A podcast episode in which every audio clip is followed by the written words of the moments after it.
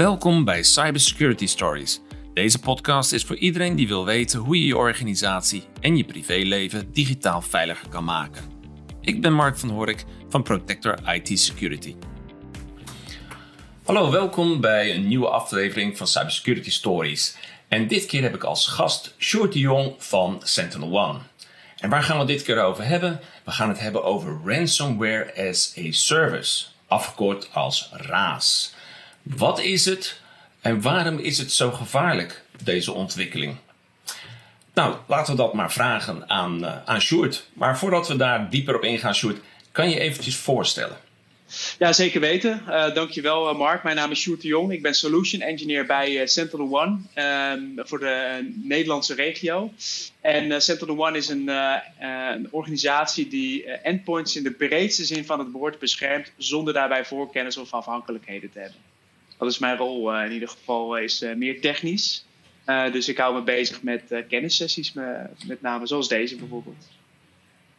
Oké, nou, hartstikke goed. Dus wij praten met de juiste persoon om over het onderwerp ransomware as a service te praten. Nou, dan is mijn eerste vraag natuurlijk: wat is ransomware as a service?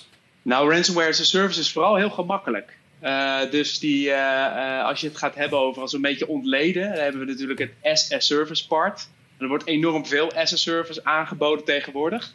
En gelukkig is het meeste daarvan is, nou, legitiem en hartstikke behulpzaam in de, in de productiviteit, hè, Office 365, et cetera. Ransomware is de negatieve zijde van het woord. Want dat houdt natuurlijk in dat, we, dat, een, dat een aanvaller of iemand die kwaad wil machines kan versleutelen van een organisatie of van een, van een privépersoon. En als je dat combineert, dan neemt, houdt het eigenlijk in dat iemand, als hij kwaad in de zin heeft, zonder al te veel moeite of kennis te hebben, eigenlijk gewoon een abonnement kan afnemen of een eenmalige betaling kan doen om een stukje software te krijgen. Of een stukje software in een PDF of in een, verstopt in een afbeelding of wat dan ook. Of een linkje.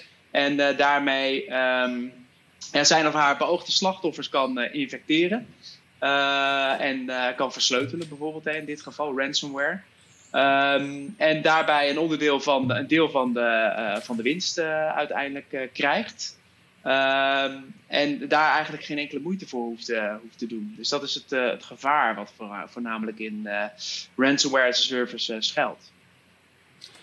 Ja, als marketers, marketeers luisteren enzovoorts, die zullen dit misschien wel herkennen. Want dit lijkt erg veel op affiliate marketing.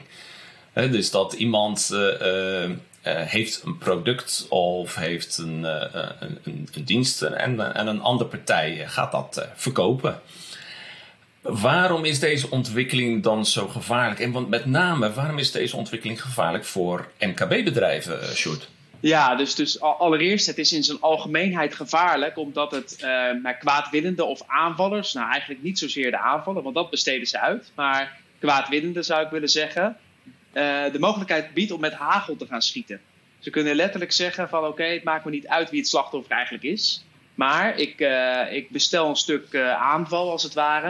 En ik probeer het zo breed mogelijk um, richting organisaties te schieten. Nou, als een aanvaller of een kwaadwillende slim is, dan bekijkt hij welke organisatie is ogenschijnlijk het meest zwak ingericht als het ware. En als je dan gaat kijken naar de wereld van bedrijven, dan, uh, dan kennen we natuurlijk MKB, Enterprise en major uh, bedrijven. En je ziet over het algemeen, MKB-bedrijven zijn het slecht ingericht tegen dit soort aanvallen. Dus dat is de reden waarom de combinatie van ransomware as a service, het gemak van het afnemen van een aanval, versus de zwakte in de beveiliging van een organisatie zo'n succes is bij MKB. Dus je ziet dat de ransomware as a service aanval um, in combinatie met MKB uh, vaak heel succesvolle resultaten oplevert voor ja, een kwaadwillende of uh, zelfs de dienstverlener in het ransomware as service verhaal. Dit doet me ook heel erg denken aan, aan spam. Dat, was, dat was vroeger hadden we e-mail en zo en nou, dat was allemaal fantastisch. Maar vervolgens uh, we steeds meer spam. En je zou denken, ja, waar, waarom doen ze dat nog steeds? Nou, gewoon heel simpel spam is nog steeds erg goedkoop. Dus ik krijg nu een beetje het gevoel als ik jouw verhaal luister dat ransomware eigenlijk heel erg makkelijk gaat worden om te doen. En daardoor maakt het eigenlijk niet meer zo uit om het heel erg target te doen. Wie erop klikt, ja. wordt slachtoffer. Ja, Is ja, that easy? Ja, dat, dat, daar lijkt het in ieder geval wel op af te stevenen. En dat heeft met name te maken met dat veel organisaties, en het hoeven niet eens per, per se MKB-bedrijven te zijn, want dat zien we namelijk ook heel sterk in enterprise en hele grote organisaties terug, dat die Ehm, afhankelijk zijn van de bescherming van een, een ouderwets antivirusproduct bijvoorbeeld. En, en wat bedoel ik daarmee, zonder dat heel commercieel te bedoelen. Maar als je gaat kijken naar de evolutie van beschermingsproducten, dan zie je met name dat uh, vanuit origine een antivirusoplossing beschermt tegen hetgeen wat hij al kent. Dus het moet een keer eerder gezien zijn. Het bestand moet al een keer eerder door uh, ergens in de wereld gespot zijn. En dan, mits uh, de virusdefinities worden geüpdate op de endpoints, um, kan er tegen beschermd worden. Maar guess what? Deze ransomware as a service leveranciers, die werken eigenlijk continu alleen maar met verse, nieuwe bestanden, vers gegenereerd voor de aanval. Die zul je gewoonweg niet in een virusdefinitiebestand update tegenkomen. Uh, dus, dus ik denk dat met name het gemak als het ware en de slagingskans, dat is de ideale, of nou, eigenlijk de prijs, want het is niet duur om te doen. Uh, het, het, gemak waarin je het kunt doen. Want je hoeft niets te ontwikkelen. En de slagingskans, dat dat de gouden combinatie is voor mensen om, om uh, eigenlijk via ransomware as a service aanvallen los te laten. Dus um, ja, dat is de huidige staat waar we een beetje in, uh, in verkeren op dit moment. Ik denk dat we zelfs. Um, kijk, we, maken nu een beetje een onderscheid in enterprise en MKB. Maar als ik jou goed begrijp, is het niet zozeer enterprise en MKB, maar het is goed voorbereid versus slecht voorbereid. Ja, klopt. Want er zijn namelijk veel MKB-bedrijven die heel veel gelaagde uh, oplossingen hebben uh, ingebouwd. Ondanks dat ze relatief klein zijn als bedrijf, wel heel goed hebben nagedacht over IT-security. En er bestaan enterprise-bedrijven die daar weer niet zo heel goed over na hebben gedacht en hoe ze dat moeten aanpakken. Dus dat maakt eigenlijk niet zo heel veel uit. Ja, ja, en ik denk ook, want uh, we hebben over MKB en enterprise, maar hier zit ook gewoon um, ziekenhuizen, scholen, overheden. Ja. Allerlei soorten organisaties ja. uh, kunnen hier gewoon slachtoffer van worden. Um, ik las in een rapport van, ik lees die eventjes op, van Ponemon State of Cybersecurity in SMB's. Dus dat is een, uh, een buitenlandse, Amerikaanse uh, rapport. En daar staat ook al in dat MKB eh, steeds vaker um, ja, target wordt van, um, uh, van, van cyberaanvallen. En zij zeggen 43% is gericht op, op die MKB-bedrijven. 43% van de aanvallen die zij hebben geconstateerd. En twee derde van de MKB'ers heeft inmiddels een cyberaanval achter de rug. is daarmee geconfronteerd. En 63% was slachtoffer van een datalek. Dat zijn nogal wat uh, hoge percentages. Ja. Um, herken jij dat ook, Sjoerd, uh, zeg maar in de Nederlandse situatie? Ja, ik denk dat je dat bijna één op één kunt uh, overleggen. Het lastige aan die cijfers is alleen hoeveel van die situaties zijn er daadwerkelijk gemeld natuurlijk. En hoeveel, dus hoe kun je dat goed met elkaar vergelijken? En Nederland is op zich wel heel goed, en dat komt natuurlijk ook door de meldplicht en dergelijke, in het melden van dit soort situaties. Dus als je naar die ranglijsten gaat kijken, van oké, hoeveel uh, cybersecurity incidenten zijn er nou geweest in Europa, dan zie je dat Nederland stevast bovenaan bijna staat. Dat is niet zozeer omdat wij meer cyberaanvallen hebben, maar dat is wel omdat we ze netjes melden, over het algemeen gezien. Dus we worden verplicht om ze te melden. Dan wil ik niet zeggen dat iedereen dat ook doet. Hè? Dus als je uh, het idee hebt dat daar bij zo'n cyberaanval uh, uh, personal identifiable information als het ware is, is gelekt, dan, dan ben je verplicht om dat te melden. dus je ziet, je ziet dat misschien de cijfers in Nederland nog wat, ehm, ja, nog wat dichter bij de werkelijkheid staan, wellicht, wellicht. Maar als je gaat kijken naar die nummers die je net noemt, ik denk dat dat wel goed vergelijkbaar is wat, met wat er in Nederland, in Nederland gebeurt inderdaad. Dus ook, ook, ook bij Central One melden zich zowel MKB als enterprise als major organisaties op het moment dat er het moment dat ze eigenlijk te laat zijn uh, na een aanval of, ehm, of hulp nodig hebben, laat ik het zo, zo stellen. We zien het ook wel ja, zelf. Het is een beetje weer die, het is een beetje weer die spreekwoordelijke de put dempen wanneer de kalf verdronken is. Ja. Of van die memes die je ook wel ziet. Ik weet niet als je wel eens op LinkedIn is. De, de cyberbudget voor een aanval. Ja. Dan zie je een paar pennies. En Ja.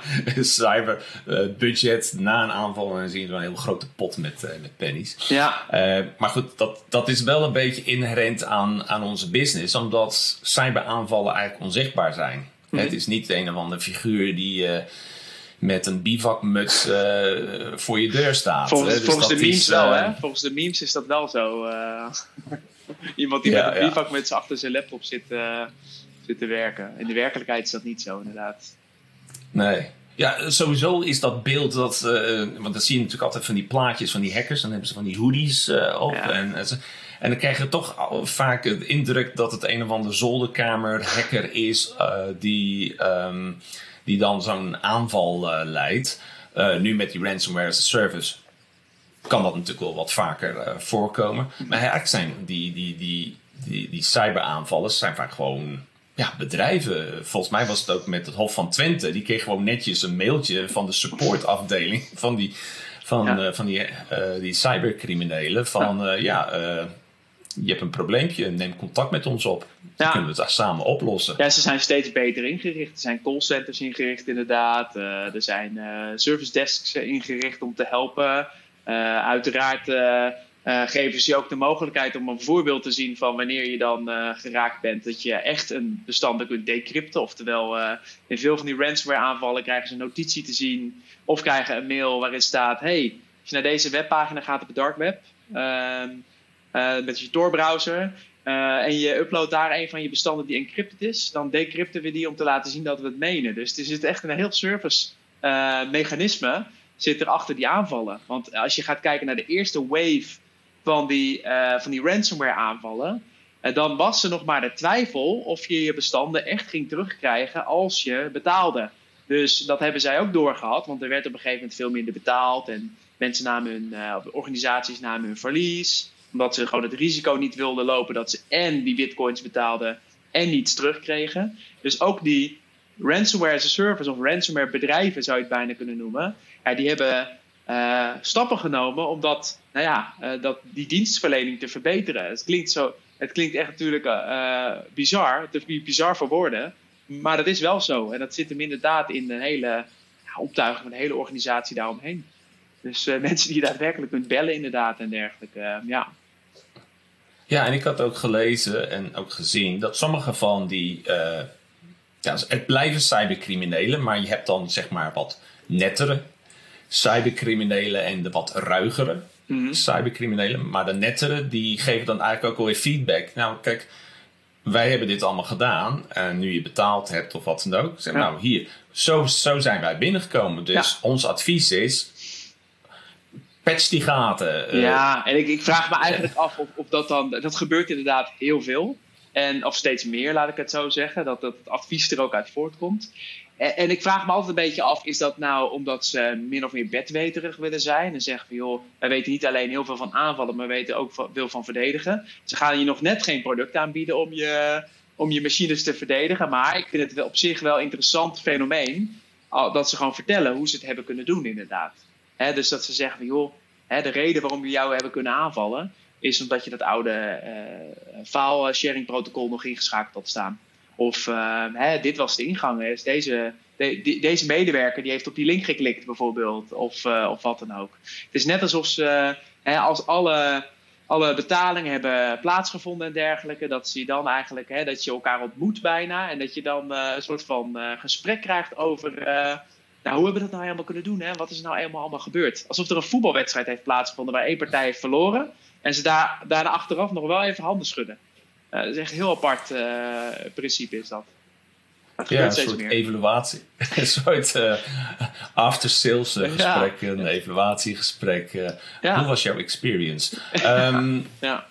wat, maar dat is één kant van het verhaal. Ik heb ook een keer eh, ehm, eh, gelezen dat het ook andersom kan. Namelijk een partij die was gehackt, ransomware. Ze hadden betaald, maar ze hadden nagelaten om echt de boel schoon te maken. Dus ze hadden wel de boel weer hersteld en al dat soort zaken. Maar ze hadden die niet eventjes met de bezemwagen door een netwerk eh, heen gehaald. Ja. En dus de ransomware ehm, stuk, dat, dat zat nog steeds in een netwerk. Ja. En doodleuk een maand later ziet, was diezelfde ransomware weer actief geworden. Was weer alles versleuteld. En konden ze weer eh, een miljoen dollar of zo uh, gaan betalen. Ja, en de, de reden, kijk, dat is eigenlijk de backdoor die nog geïnstalleerd uh, wordt. Als je gaat kijken bij, er is heel recent voorbeelden waarbij heel veel bedrijven slachtoffer zijn geworden. En nog steeds, dan is dat die exchange vulnerability. Zelfs in het nieuws geweest. Hè, wereldwijd honderdduizenden e-mailsystemen kwetsbaar. En wat je, dat was wel een heel mooi voorbeeld, want wat je daar zag, is eigenlijk hetzelfde fenomeen wat je bij reguliere aanvallen in zijn algemeenheid ziet. Uh, uh, het eerste wat een aanvaller. Kijk, voor, in de films zie je, oh, we zijn meteen versleuteld en het is uh, helemaal raak. maar wat, wat eigenlijk gebeurt, is dat iemand krijgt toegang. Je gaat eerst eens om zich heen kijken. heb ik voldoende rechten op deze systemen? Wat is er allemaal aanwezig hier in het netwerk? En die gaat gewoon inventariseren als het ware. Dan is de vervolgstap dat hij een backdoor installeert. Hij wil zeker zijn, dat doet hij misschien op verschillende plekken ook in de omgeving. Hij wil zeker zijn dat als hij gepakt wordt, of als er iets gedetecteerd wordt, dat hij dan nog een mogelijkheid krijgt of nog een kans om het opnieuw te doen bijvoorbeeld. Of in dit, in dit geval, het voorbeeld wat je noemt, succesvolle ransomware aanval. Nou, als ze echt meedogenloos zijn inderdaad, dan zeggen ze gewoon, we doen het gewoon nog een keer. En het, het, het lastig voor uh, veel bedrijven is dat ze, jij noemde het net de bezemwagen, ze hebben de bezemwagen niet. Dus ze denken, oké, alle bestanden zijn terug en de systemen zijn weer veilig, et cetera. Maar ze hebben de middelen niet om te kunnen constateren of er nog iets is achtergebleven. Ze hebben geen uh, flight recorder, zou ik willen zeggen, van hetgeen wat er gebeurd is tijdens zo'n aanval bijvoorbeeld. Of het nou gedetecteerd is of niet, dat doet er eigenlijk niet toe. Maar vaak missen ze de informatie om te achterhalen van oké, hoe hebben ze dat gedaan? En wat, uh, welke methodes hebben ze gebruikt? Wat moeten we nog verwijderen? En die term noem je remediation. Het, het niet alleen ongedaan maken van de aanval, maar ook alle sporen die iemand heeft achtergelaten. Dus die middelen hebben ze vaak niet. En dat resulteert in eerste instantie in een incident response uh, oproep. Zo'n organisatie, als het goed is, meldt hij zich bij zijn verzekeraar. In veel gevallen. Dus er is iets gebeurd. Het eerste wat ze doen is bellen naar de verzekeraar en zeggen: Er is iets gebeurd. Want je moet, om, om binnen die, om aanspraak te kunnen maken op je verzekering, moet je ze tijdig op de hoogte stellen. Dus dat is vaak het eerste wat gebeurt. En het tweede wat vaak gebeurt is een incident response team. Dat kan van ons zijn, dat kan van andere organisaties zijn. En die, hebben, die, die komen met de bezemwagen, zou ik willen zeggen. Ja, die gaan eerst gaan zij onderzoeken wat is er allemaal gebeurd, et cetera. Maar het uiteindelijke doel is om de klant achter te laten met uh, en een pakketje aan bewijslast wat de verzekeraar graag wil hebben. Wat is hier precies gebeurd? Is de data gelekt? Moeten we ransom betalen? Etcetera. Heeft dat wel zin bijvoorbeeld? Maar het tweede is het opschonen van de omgeving bijvoorbeeld. Het, de aanwijzingen en alle stappen verwijderen. Maar de meeste organisaties, ik denk dat ik wel als, als ik een percentage zou moeten noemen, van alle organisaties in Europa bijvoorbeeld, of in de wereldwijd, ik denk dat meer dan 95% geen idee heeft. Het is helemaal geen, geen idee heeft van sporen of methodes of wat dan ook. Dus uh, die bezemwagen hebben ze gewoon echt niet. Hebben geen manier om, om op te ruimen. Dus het is, je kunt ze ook niet kwalijk nemen dat, ze, dat het dan eigenlijk nog een keer gebeurt. Als je niet de juiste detectiemiddelen hebt, dan heb je ook niet de juiste middelen om, uh, om daar een schone omgeving achter te laten. Ja, ja, dus het houdt niet zomaar op nadat die aanval is geweest. Nee. Dus je moet dan stappen ondernemen. En dat zien we dan, dan wel gebeuren. Hè, van, uh, dat men dat nog probeert weer te voorkomen. Ja. Uh, maar in dit uh, leerproces is, moet dus ook duidelijk checken of echt alles schoon is. En daar heb je dan zeg maar die, die IRR, de, de Incident Response uh, mogelijkheid teams. Ja. Uh, maar er zijn ook allerlei monitoring uh, systemen die je kan, kan installeren. Ja, je, je, moet gewoon wel wat meer voor doen. Want die, die cybercriminelen, ja, het is zo'n ongelooflijk big business. Um, dat ze steeds meer innovatievere middelen tot hun beschikking hebben. En daar, uh, ja, daar moet je ook wel innovatieve uh, bescherming tegenover gaan stellen. Ja. Um, ander stuk wat ik in een van die rapporten had gelezen, is dat er ook steeds meer een verschuiving plaatsvindt. Kijk, uh, ransomware, dat was een, een ja, bestanden versleutelen. En omdat je die bestanden weer terug wil hebben, ja, nou je los geld. Hè, hence ransomware. Ja. Um, Maar nu is er ook steeds meer een tendens waarbij een soort verschuiving plaatsvindt van puur versleutelen naar weghalen van bestanden, van data. Of een combinatie daarvan. Ja. Zie jij die tendens ook? Ja, kijk, bij veel ransomware aanvallen zie je dat de organisaties die het slachtoffer zijn geworden, best wel goede backup oplossingen hebt. Dus als je hè, volgens het boekje werkt, dan uh, is je, je backup van je systemen regelmatig. En is er ook is voldoende om een disaster recovery te doen, ook als er iets gebeurt. Hè? Je moet bij wijze van spreken vanuit een backup je hele organisatie met maximaal x tijd verlies uh, helemaal weer draaiende hebben. Dus het was steeds minder lucratief om alleen maar bestanden te versleutelen. Dus wat je ziet is dat aan het begin, zoals je aangeeft, hè, bestanden worden versleuteld. De sleutel wordt extern opgeslagen, dus die, die ligt bij de aanvaller.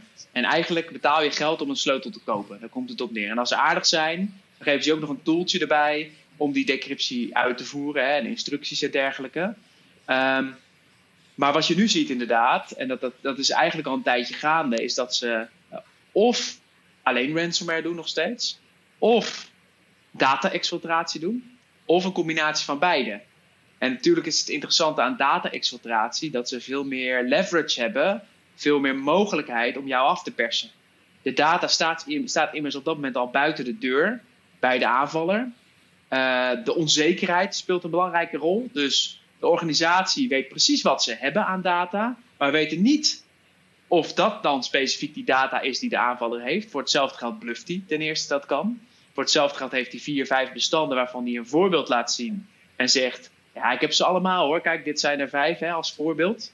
Uh, dus er is heel veel onzekerheid uh, zit daarin. Maar als je als aanvaller uh, weet zoveel mogelijk data te exfiltreren, en zeker als het data is die ja, de kroonjuwelen van het bedrijf betreft, bijvoorbeeld klantdata of productietekeningen, noem het maar op.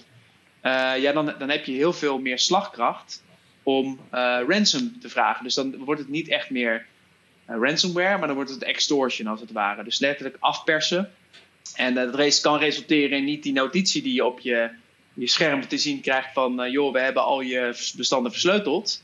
Maar het kan zijn dat je out of the blue een, een, een belletje, een e-mail of welke connectie, of misschien wel een bericht op je scherm krijgt waar waarin staat van, joh, we hebben niks versleuteld, maar we hebben wel je bestanden extern staan. Dus uh, we gaan eens even onderhandelen over, dit is ons aanbod, betaal ons dit via deze weg.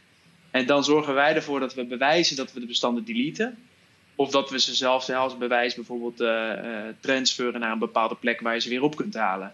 Dus dat is een interessant fenomeen. Beide kennen dezelfde aanloop, want ze, ze moeten namelijk hè, voorbereidingen treffen om op een endpoint terecht te komen. Maar deze partijen die nemen steeds minder moeite om daadwerkelijk te versleutelen. Uh, want dat kost ze ook veel moeite om dat te doen. Dat, dat, en dat wordt heel erg goed gedetecteerd en dergelijke. Maar nemen steeds meer de approach van het wegsluizen van data, inderdaad. Dus dat is een, uh, daar heb je gelijk en dat is een interessant, uh, interessant fenomeen. En eerlijk gezegd een veel effectievere vind ik zelf voor, uh, voor het, het afpersenprincipe. Het bedrijf ligt namelijk niet stil, ze hebben hun data vaak nog. Ze kunnen gewoon doorblijven met de productie. De schade voor het bedrijf is daarmee minder. Dus je raakt ze minder diep in de portemonnee. want de truc is namelijk, als jij productie stillegt, als aanvaller krijg je geen geld voor het feit dat je productie stillegt. stillegt.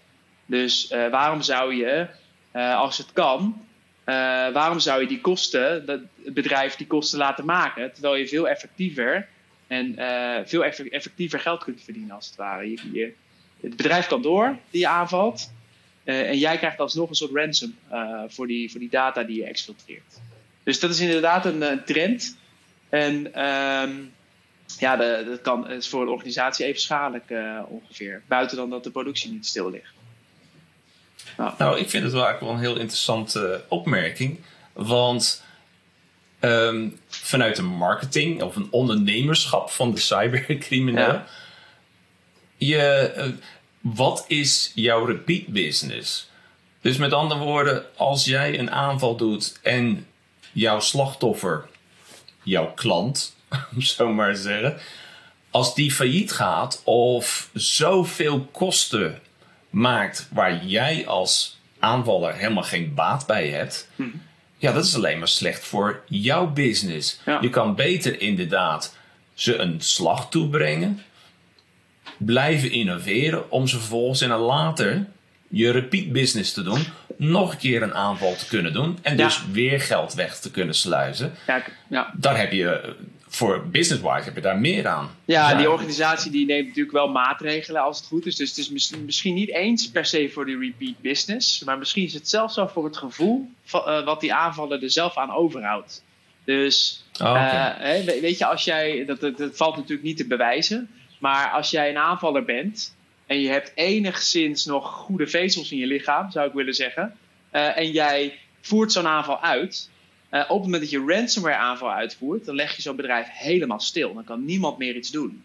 Maar als je data-exploitatie doet, hè, dan heb je eigenlijk een, een, een passieve communicatie met de klant. Een passief project zou je bijna kunnen zeggen. Waarbij je hè, onderhandelt over het eh, vernietigen of eh, teruggeven van die data. En de klant heeft die data nog steeds, maar jij hebt die data ook.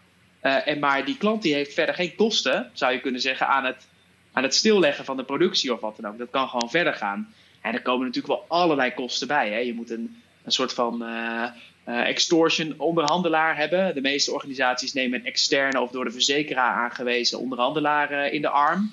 Je moet investeren in een betere oplossing, want blijkbaar je het niet goed op orde. En je moet nog alsnog investeren in een instant response dienst die ja, enerzijds bewijslast gaat verzamelen voor die verzekeraar, maar anderzijds ook jou de verhaallijn gaat schetsen. Wat is hier precies gebeurd en wanneer? Eh, daar komt het eigenlijk op neer. Eh, en er zijn heel veel, heel veel verborgen kosten nog steeds. Eh, maar een van de meest kwalijke dingen is natuurlijk dat jij als bedrijf geen omzet meer kunt draaien. En zelfs klantverliezen hebt, et cetera. Hebben we bij Belgische organisaties gezien. eh Picanol, Picanol bijvoorbeeld, maandenlang stilgelegen vanwege een ransomware aanval. En inderdaad, eh, als je het lokaler gaat zoeken, Hof van Twente bijvoorbeeld, ja, geboorteactes en dergelijke die tijdelijk niet uitgegeven konden worden.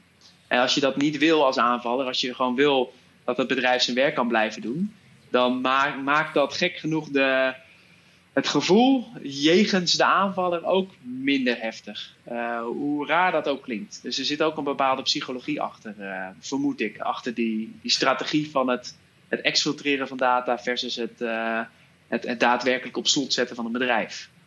Dus er zit een heel businessmodel achter. En hoe succesvol ben je dan daarin? Ja, ja. Ja, dat doet me ook trouwens. eh, ehm, wat, wat jij dus net zegt, zo, dat deed mij weer denken aan. Niet elke cyberaanvaller is een meedogenloze cybercrimineel. Die zijn er, maar niet allemaal. Nee. Ik had ergens gelezen dat met name in Zuidoost-Azië, zeg maar Indonesië of in Maleisië of wat dan ook, echt wel getalenteerde programmeurs, coders, IT-mensen zitten. Maar die kunnen niet een goede job krijgen. Dat, Ja. dat, is, dat is gewoon heel moeilijk te krijgen. Ja. En dan, ja, je zou bijna zeggen, worden ze gelokt door de dark side, zo maar zeggen. Maar ze kunnen dan hun talenten inzetten eh, voor zeg maar cybercriminaliteit, waardoor ze ja, een beter bestaan hebben daar. Dat klopt. Eh, terwijl ze dat eigenlijk niet hun eerste keuze was. Ze hadden liever voor, nou laten we zeggen, voor de Googles en, eh, en, eh, en de Microsofts van deze wereld willen werken. Maar dat Ja. zit er gewoon niet in. Nee, het vraag-aanbod Eh, ligt daar juist de andere kant op versus het vraag-aanbod in de arbeidsmarkt hier, zeg maar. Inderdaad. Daar is het aanbod aan medewerkers enorm. Dus de kans dat je zo'n succesvolle baan met alle skills die je hebt krijgt bij zo'n grote major player, ja, dat is natuurlijk, die kans is, is heel klein, of veel kleiner in ieder geval. Dus dan heb je, en als je dan wel, dit zien we letterlijk, ik moet even, ik ben even de naam van het programma kwijt, maar kort geleden op de NPO hele goede serie over, eh, eh, over eh, oplichters. Datingoplichters en dergelijke. Dat is misschien niet helemaal met de ransomware te maken. Maar wat je daar inderdaad ziet, is dat als iemand de, de crux van de aflevering, de ontknoping, gaan ze contact opnemen met die oplichter. En dat had in dit geval ook een ransomware aanvaller kunnen zijn of wat dan ook. En dan vragen ze, joh, wat zijn nou, zijn nou je beweegredenen om dit te doen? En waarbij, waarbij ze zeggen, ja joh, in onze land, bijvoorbeeld India, daar is het gewoon dat, dat eh, ik eh 15 familieleden kan onderhouden. Dus ik heb een enorme verantwoordelijkheid om geld te verdienen, om, om letterlijk brood op de plank te brengen. En als ik dat niet langs de goede weg kan doen, dan heb ik geen andere keuze dan dat, dat langs de slechte weg te doen. Dus de, dus de motivatie is niet altijd om stinkend rijk te worden. Die heb je natuurlijk ook. Hè? De, bekende, uh, de bekende aanvallers die echt in Lamborghinis rondrijden en dergelijke. Uh, die zijn er ook allemaal. En die worden uh, uiteindelijk ook opgepakt, vaak. maar er zijn ook hele andere gevallen waarom mensen dat doen. Je, je hoeft geen medelijden met ze te hebben. maar er zijn wel andere, er zijn verschillende beweegredenen waarom mensen ja, in het vak gaan, zou ik willen zeggen. Ja. Ja. Ja, ja, er zitten heel veel aspecten aan, aan dit fenomeen. Ja, hey, ik wil eventjes een, een, een, een, zijstapje maken, want ik las eh, nou ja, sinds maart 2020 uh, ehm, is het hele remote werken, beter gezegd thuiswerken, ja. heeft een hogere vlucht genomen. En was gedwongen. Hè? Het was al een beetje een tendens, maar dat kabbelt je een beetje voort. En toen mm. kwam ineens uh, de pandemie aan. Nou, het ging dan omhoog. Ja. Nou, nu uh, geven steeds meer organisaties. Uh, er is nu ook in CEO's wordt nu onderhandeld dat men thuis kan gaan werken. Grote organisaties, die big tech guys en zo, die geven ook al aan van. Nou ja, je kan. Google had altijd als stelregel: je komt maar naar kantoor. Nou, dat hebben ze nu ook losgelaten. Dus mensen kunnen steeds vaker thuiswerken. Nou, dat is een interessant fenomeen. Maar vanuit een cybersecurity oogpunt gezien zitten daar wel wat haken en ogen aan. Daar hebben we al een paar keer wel over gesproken van nou, thuiswerken. Hoe bescherm je je thuiswerkers en dergelijke. Ja. Maar nu dit fenomeen is, om zo maar te zeggen, here to stay. Wat, wat moeten organisaties doen om hun thuiswerkers blijvend goed te beschermen? Ja, ja, inderdaad, dat, het COVID-fenomeen is nou allemaal afkortingen ook al verzonnen. WFH, work from home en noem het maar op. En inderdaad, wat je zegt, heel veel bedrijven zeggen, joh, uh, hè, we gaan de verschuiving maken van uh, 80% op kantoor en 20% thuis naar andersom bijvoorbeeld. Dat scheelt ze namelijk ook heel veel kosten op kantoren, et cetera. Maar als je het met name gaat hebben over beveiliging. Als we het gaan hebben over hoe zorg je er nou voor dat die organisaties beveiligd uh, zijn, ook als de mensen thuis werken. Kijk, wat heel interessant is, is dat de meeste bedrijven, ook MKB'ers, enterprise, noem het maar op, dat die op kantoor en in de datacenter een hele prachtige gelaagde security uh, hebben aangelegd. Hè. Er waren next generation firewalls, intrusion prevention systemen. Uh, er waren sandboxing systemen waar alle bestanden een keer doorheen gingen eerst. Hè. En dan kon je uh, met die gelaagdheid kon je leunen op het endpoint op een, zou ik kunnen zeggen, ouderwetse antivirusoplossing. Want je kapt al een heleboel af, anti-spam, et cetera, alles wat daar maar voor zit in de gelaagdheid. Dus je hebt eigenlijk niet zo heel veel meer nodig, was de gedachte, op het endpoint. Nou, dat is ingehaald door de realiteit, überhaupt al zonder de COVID-situatie. Maar uh, wat je ziet is dat die mensen nu vanaf thuis werken. Dus guess what? Vanaf die hele gelaagdheid is eigenlijk het enige wat nog is overgebleven, is de antivirusoplossing op het endpoint. Om, om die mensen te beschermen. En die antivirusoplossing, die is vaak gebaseerd op voorkennis. Oftewel, hè, we moeten weten of een bestand slecht is van tevoren, om het te kunnen herkennen op het endpoint, bijvoorbeeld. Dus we moeten het al een keer ergens hebben gezien, voordat we dat virus kunnen herkennen op het endpoint. En hetzelfde geldt voor gedrag. Er zijn heel veel oplossingen die hebben daar een gedragsmaatregel aan geknupt.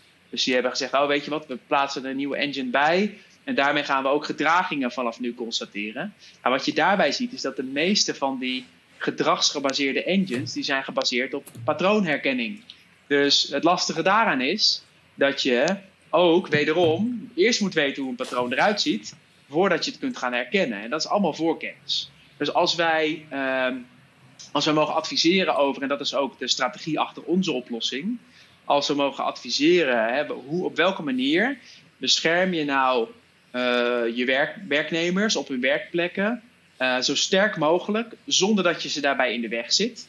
En want vaak is de misvatting dat als een oplossing beter is, dat het ook veel meer impact heeft op de CPU en memory, et cetera. Maar hoe bescherm je nou die mensen zo goed mogelijk zonder ze daarbij in de weg te zitten? En dan vinden wij dat je op, uh, een oplossing moet kiezen die Um, geen voor, niet op basis van voorkennis handelt. Dus eigenlijk niet, geen virusdefinities gebruikt bijvoorbeeld. Geen patroonherkenning gebruikt, maar uh, gewogen gedragsdetectie. dus continu ook nieuwe patronen kunnen herkennen zonder daar vooraf beet van te hebben. en te kunnen bepalen autonoom zijn, is dat goed of niet? Oftewel, is een bestandsstructuur oké of niet? En is een gedragsstructuur oké of niet? Gewoon in real time. En, en ehm, daarbij moet, moet hij ook autonoom kunnen ingrijpen. Dus wat je zeker in MKB-organisaties ziet, is dat ze hebben niet een hele uitgebreide IT-staf die continu monitoring doet en kijkt hoe het ervoor staat, et cetera. Nee, uh, ze willen eigenlijk dat um, de oplossing die gekozen wordt voldoende uh, keuzevrijheid heeft, zou je kunnen zeggen, of beslissingsbevoegdheid om wanneer het fout gaat, direct in te kunnen grijpen. Dus als je een oplossing kiest voor je thuis workforce, of in zijn algemeenheid voor al je machines, kies er dan één die geen voorkennis heeft, die ook geen menselijke afhankelijkheden kent. Oftewel, iemand moet er eerst iets van vinden voordat we op de knop drukken dat het gestopt moet worden. Nou, daar heb je gewoonweg geen tijd voor. Uh, binnen 40 seconden is een aanval helemaal uitgevoerd. En dan heb je echt niet iemand die tussentijds op de knop kan klikken, stop maar. Uh, en eentje die ook bijvoorbeeld niet afhankelijk is van uh, netwerkverbindingen. Dat is ook wel een interessant fenomeen. Want thuiswerkers, kijk op je kantoor heb je een hele goede calculatie gedaan van hoeveel bandbreedte hebben we nodig, et cetera. Hebben we voldoende, noem het maar op. Maar van thuiswerkplekken kun je niet garanderen dat de kwaliteit of de snelheid van de verbinding goed genoeg is. Je kunt niet garanderen of uh, de wifi-verbinding altijd werkt bijvoorbeeld. Uh, dus moet je ook kiezen voor een oplossing die niet afhankelijk is van het uh, uh, opzoeken online of gedrag oké is of niet bijvoorbeeld. Of opzoeken online of een bestand oké is of niet. Want die zijn er ook heel veel in de markt. Dat is meer een, meer een sensor die op zo'n endpoint draait. En die ziet dan iets en dan gaat hij het vragen aan zijn cloud-oplossing. En die, gaat dan, die komt dan terug met uh, ja, het is goed of het is niet goed. Nou, dan ben je al lang, dan ben je al te laat. Zeker als die, die verbinding ook nog eens matig is, uh, als het ware. Dus, dus die, die is ook belangrijk. Geen afhankelijkheid van de netwerkverbinding. Geen afhankelijkheid van de menselijke factor. En geen afhankelijkheid van voorkennis. Dus een autonome oplossing die op het endpoint direct kan bepalen: is het goed of is het niet goed wat hier gebeurt. En guess what, dat zijn wij. Dus wij doen dat. Uh, maar uh, dat is um, oprecht de manier om, dat, uh, om, om, om het aan te pakken op dit moment. Nou, het lijkt mij inderdaad een, een, een heel, heel belangrijk element omdat iets autonoom is. Mm -hmm.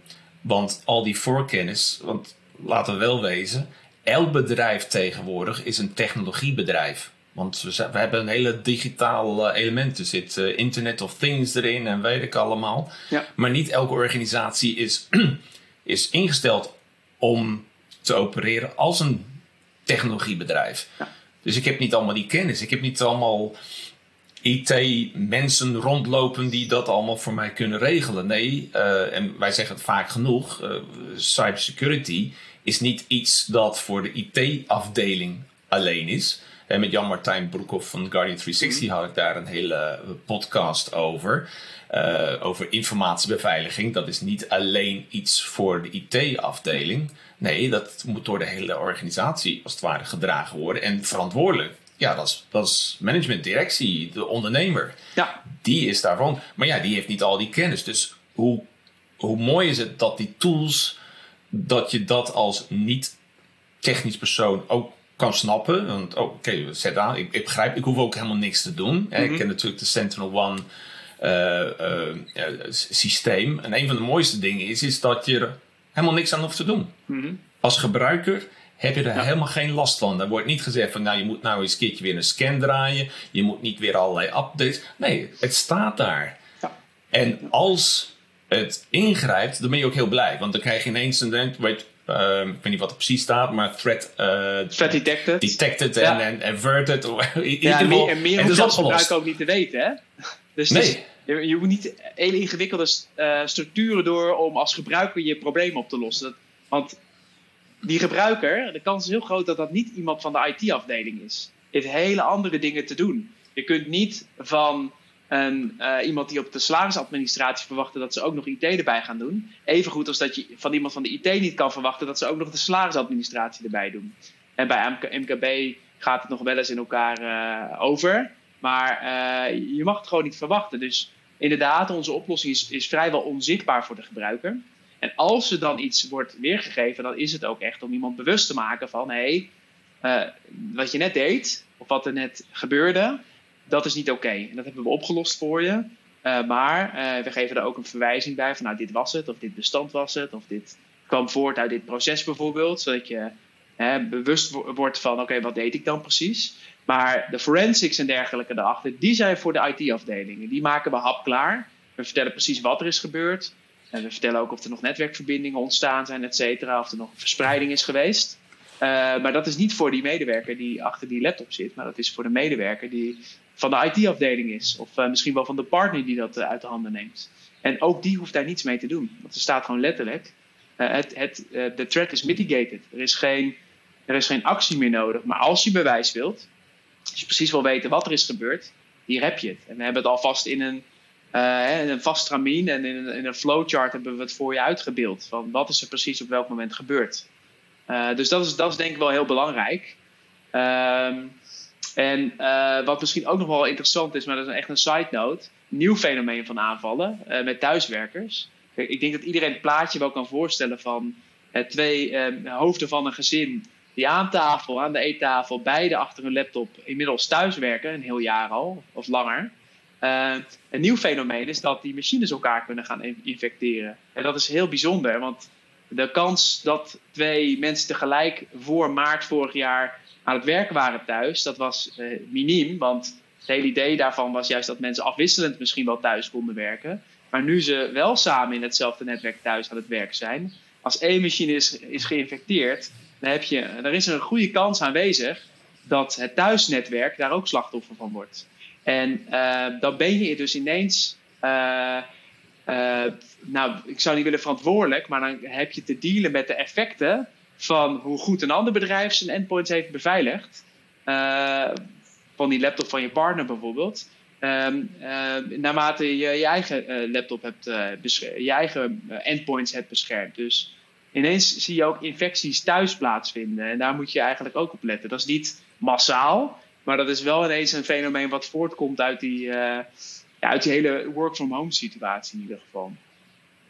Dus, um, nou, ik vind, ja. dat, ik vind dat wel een, eventjes een, een, mooie. Die gooien we eventjes aan het eind van deze videopodcast er eventjes ja. uit. Ja. Het feit dat um, door het samen thuis te werken dat je elkaar kan besmetten. En ja. ja. anderhalve meter uit elkaar zitten heeft natuurlijk voor die laptops helemaal geen effect. Nee. Want die zitten gewoon aan dat netwerk. Ja. Uh, ik geloof niet dat je daar een soort anderhalve meter variant uh, kan Ja, uh, kan, anderhalve kan meter netwerkkabel misschien. Maar en, en de grap is, er zijn nog heel veel meer parallellen te trekken met het hele COVID-scenario. Want als je gaat kijken naar onze oplossing bijvoorbeeld. Wat moet je doen als iemand binnen jouw gezin besmet is? Die moet geïsoleerd worden.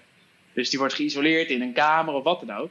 Wat gebeurt er als je met twee laptops werkt en de ene is met Central One beschermd en de andere niet en die probeert die Central One endpoint te infecteren via het netwerk of wat dan ook?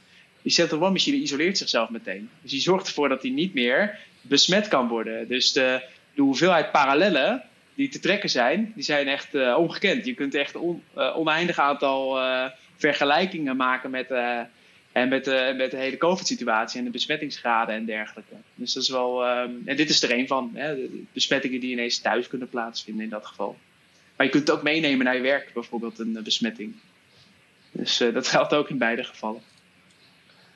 Ja, er zijn inderdaad heel veel parallellen. Uh, en, en allebei zijn ze irritant, want je kan ze niet zien. Je kan die coronavirus kan je niet zien. Hè? Nee. Het is niet een of ander uh, paarskleurig iets. Dat, nee. dat nee. is, oh, daar is het dus, moet oppassen. Ja. Um, en dat geldt natuurlijk ook voor alles wat met cybersecurity. Het is, het is onzichtbaar. Ja. Maar omdat het onzichtbaar is, wil niet zeggen dat het niet bestaat. Nee, en, en laten we wel wezen, die, die corona, corona is natuurlijk een stuk ernstiger. En de, de hele gedachtegang is, achter is, is uh, veel ernstiger. Uh, maar uh, de, functioneel gezien hebben ze veel gelijkenissen met elkaar. Ja, nou, Sjoerd, ik, nou, het was wederom een, een zeer interessant um, nou, gesprek over ransomware as a service. We hebben gesproken dat dat um, een, ja, een gevaarlijk iets is.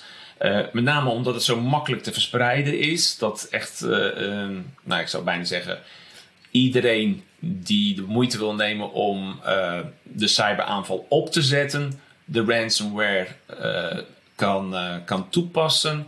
We hebben gesproken over hoe de situatie is in, in Nederland. We hebben ook gezien dat er een verschuiving heeft plaatsgevonden van nou, versleutelen de boel naar het weghalen. En, en wat, voor, nou ja, wat voor effecten dat heeft. En we hebben de boel afgesloten door even wat dieper op in te gaan over thuiswerken. Want dat is here to stay. En wat voor, wat, nou, wat voor aspecten daar uh, een, een, rol in spelen. En hoe kan je thuiswerkers uh, goed, blijvend goed beschermen. Ja. Sjoerd, ik vond het erg leuk om dit gesprek met jou te voeren. Ik wil je ook hartstikke voor bedanken. Ik wil de kijkers en de luisteraars, als je dit een interessant gesprek vond en je zegt, nou, ik wil hier wat meer over horen. Um, hoe kunnen zij in contact met jou komen, Sjoerd? Ja, dat mag direct. Dus uh, je mag mij een e-mail sturen bijvoorbeeld. sdejong.centralone.com Dus uh, sdejong.centralone.com uh, Maar dat kan natuurlijk ook via, via jullie uh, uiteraard. Dus ik, ik spar graag over dit soort topics. Er zijn er nog veel meer. maar ik denk dat we de meeste organisaties heel goed kunnen helpen met dit soort, met dit soort uitdagingen.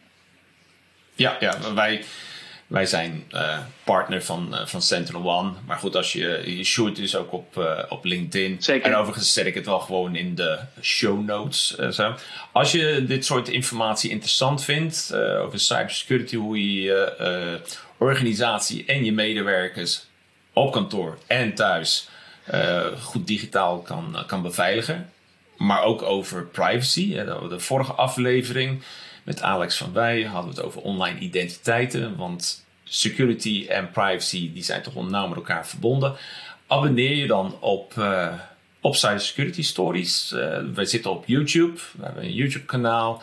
Uh, wij zijn ook op Apple Podcasts, Spotify, Google Podcasts, Stitcher. Um, nou ja, goed. Wil je wat meer hierover weten of gewoon over cybersecurity en je digitale veiligheid van je organisatie in het algemeen? Nou, dan kan je altijd contact met ons opnemen. Kan je een, uh, een vrijblijvend adviesgesprek uh, inplannen. Dat is ook altijd wel erg handig. Nou, Sjoerd, ik, uh, ik wil je reuze bedanken. En wellicht tot een volgende keer, want volgens mij is er nog veel meer te bespreken. We hebben nog genoeg te dus- bespreken, inderdaad. Ja. ja, overigens een kleine side note. Ik vergiste me in mijn e-mailadres. Het is sjoerdtoday.centralbank.com. Ik bleef nog heel even in een oud e-mailadres hangen. Dus uh. Maar goed, dat, dat even terzijde. Oh, oké. Nee, dat is prima. Goed. Ik zeg tegen iedereen tot een volgende keer.